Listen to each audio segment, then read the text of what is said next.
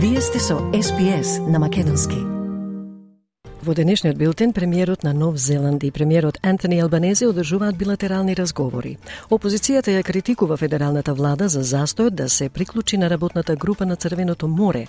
Се нуди финансиска помош за погодените од поплавите во Квинсленд и македонскиот председател Стево Пендановски во годишното обраќање порача дека државата мора да остане на евроинтегративниот пат. Слушајте не.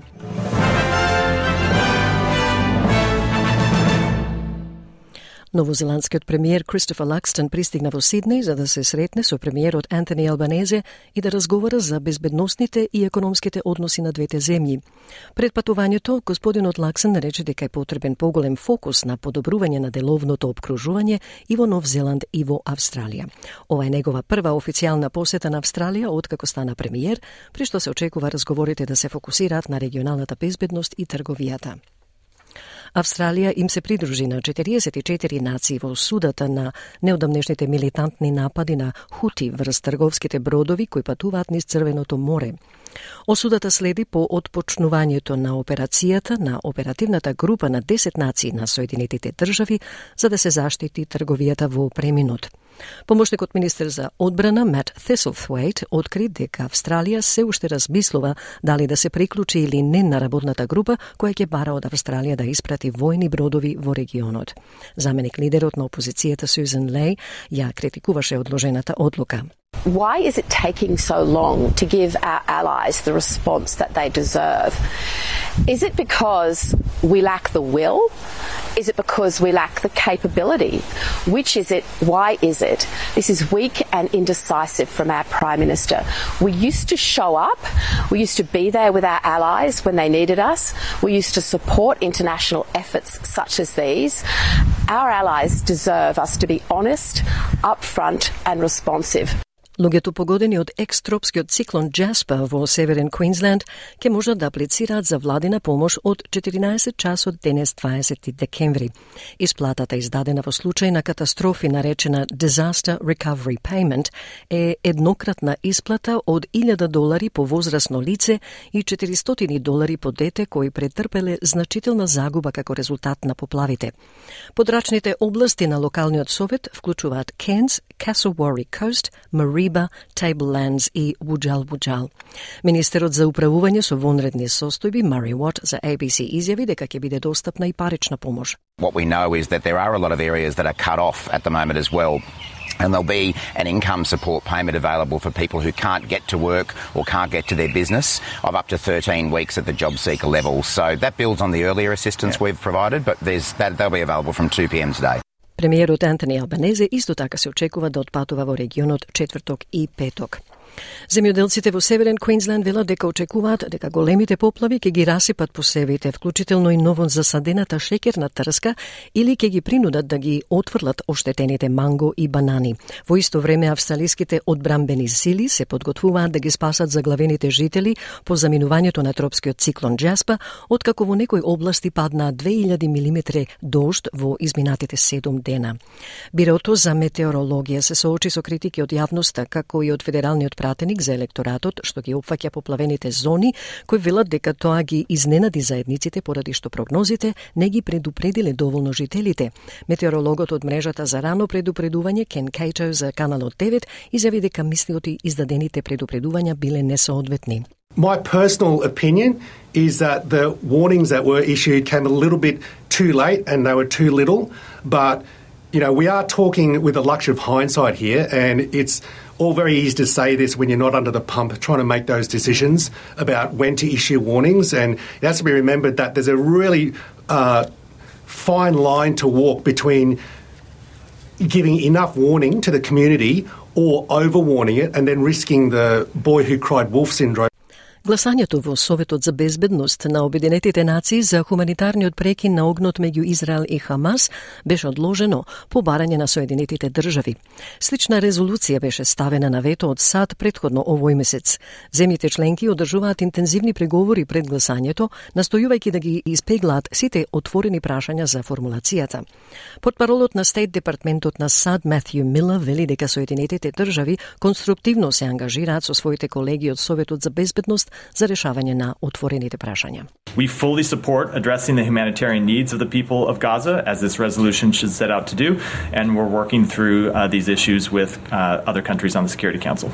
We have made very clear to is, uh, Israel that we think they need to do more to uh, police and prevent extremist settler violence in the West Bank. And we have taken our own actions to hold extremist settlers accountable when they commit violent actions. And we will continue to do, to do that. We will continue to speak um, uh, both loudly from here about it and directly to Israel.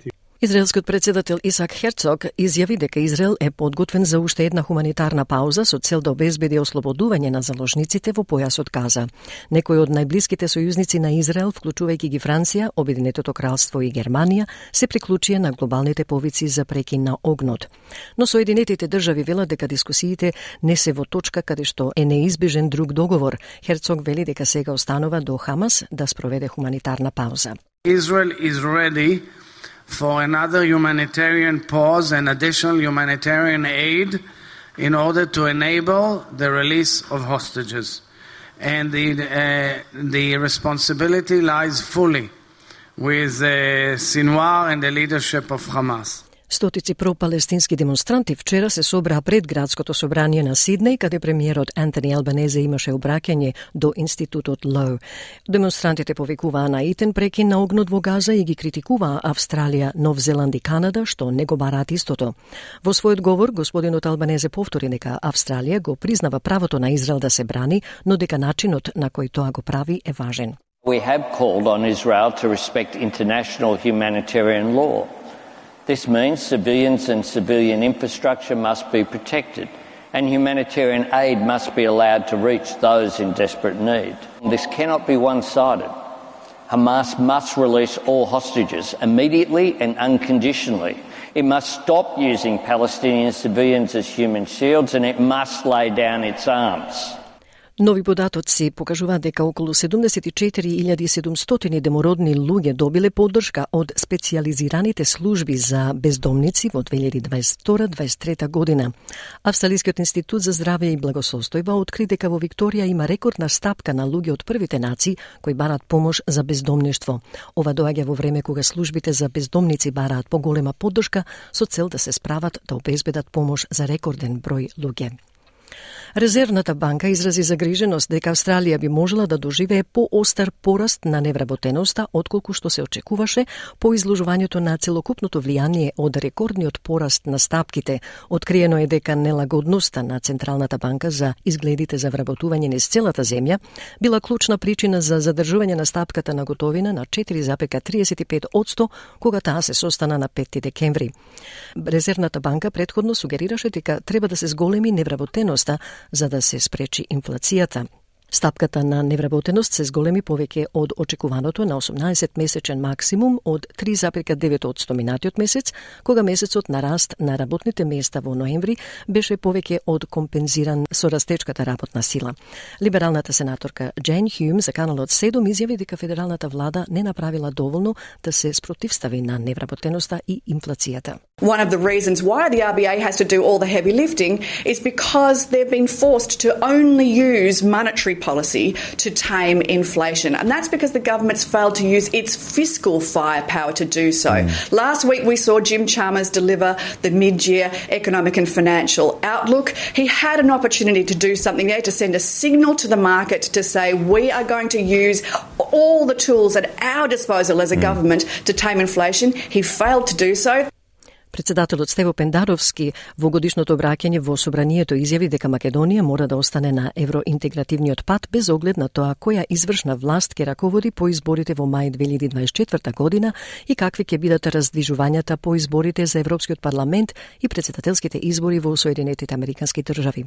Тој додаде дека евентуалното забавување или запирање на европските интеграции нема да се одрази добро врз ниту една сфера од обштественото живење, почнувајќи од економијата, па се до меѓуетничките односи. Ова е пораката која што ја испрати председателот Пендаровски, кој по петти пат имаше новогодишно обраќање во законодавниот дом за последен пат во овој мандат како председател. Украинскиот председател Володимир Зеленски вели дека војската на неговата земја сака дополнителни 500.000 луѓе додека војната со Русија се приближува кон двегодишната граница.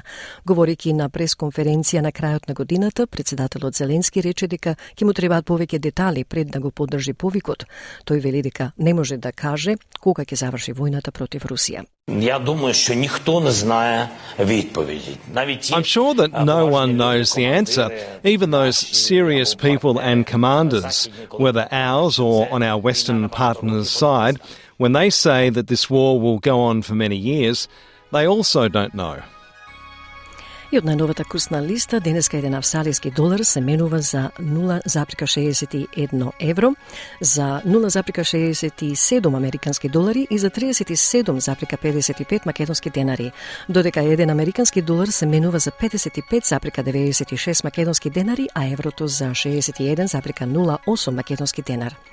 И временската прогноза за утре за 5 делумно облачно 37, во Аделаид сончево 23, Мелбурн делумно облачно 24, а во Ховард облачно и 18.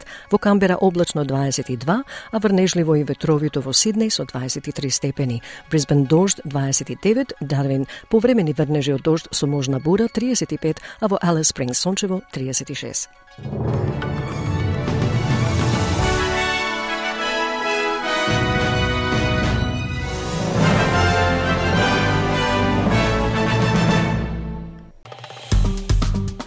Стиснете, ми се допаѓа, споделете, коментирајте. Следете ја SPS на Македонски на Facebook.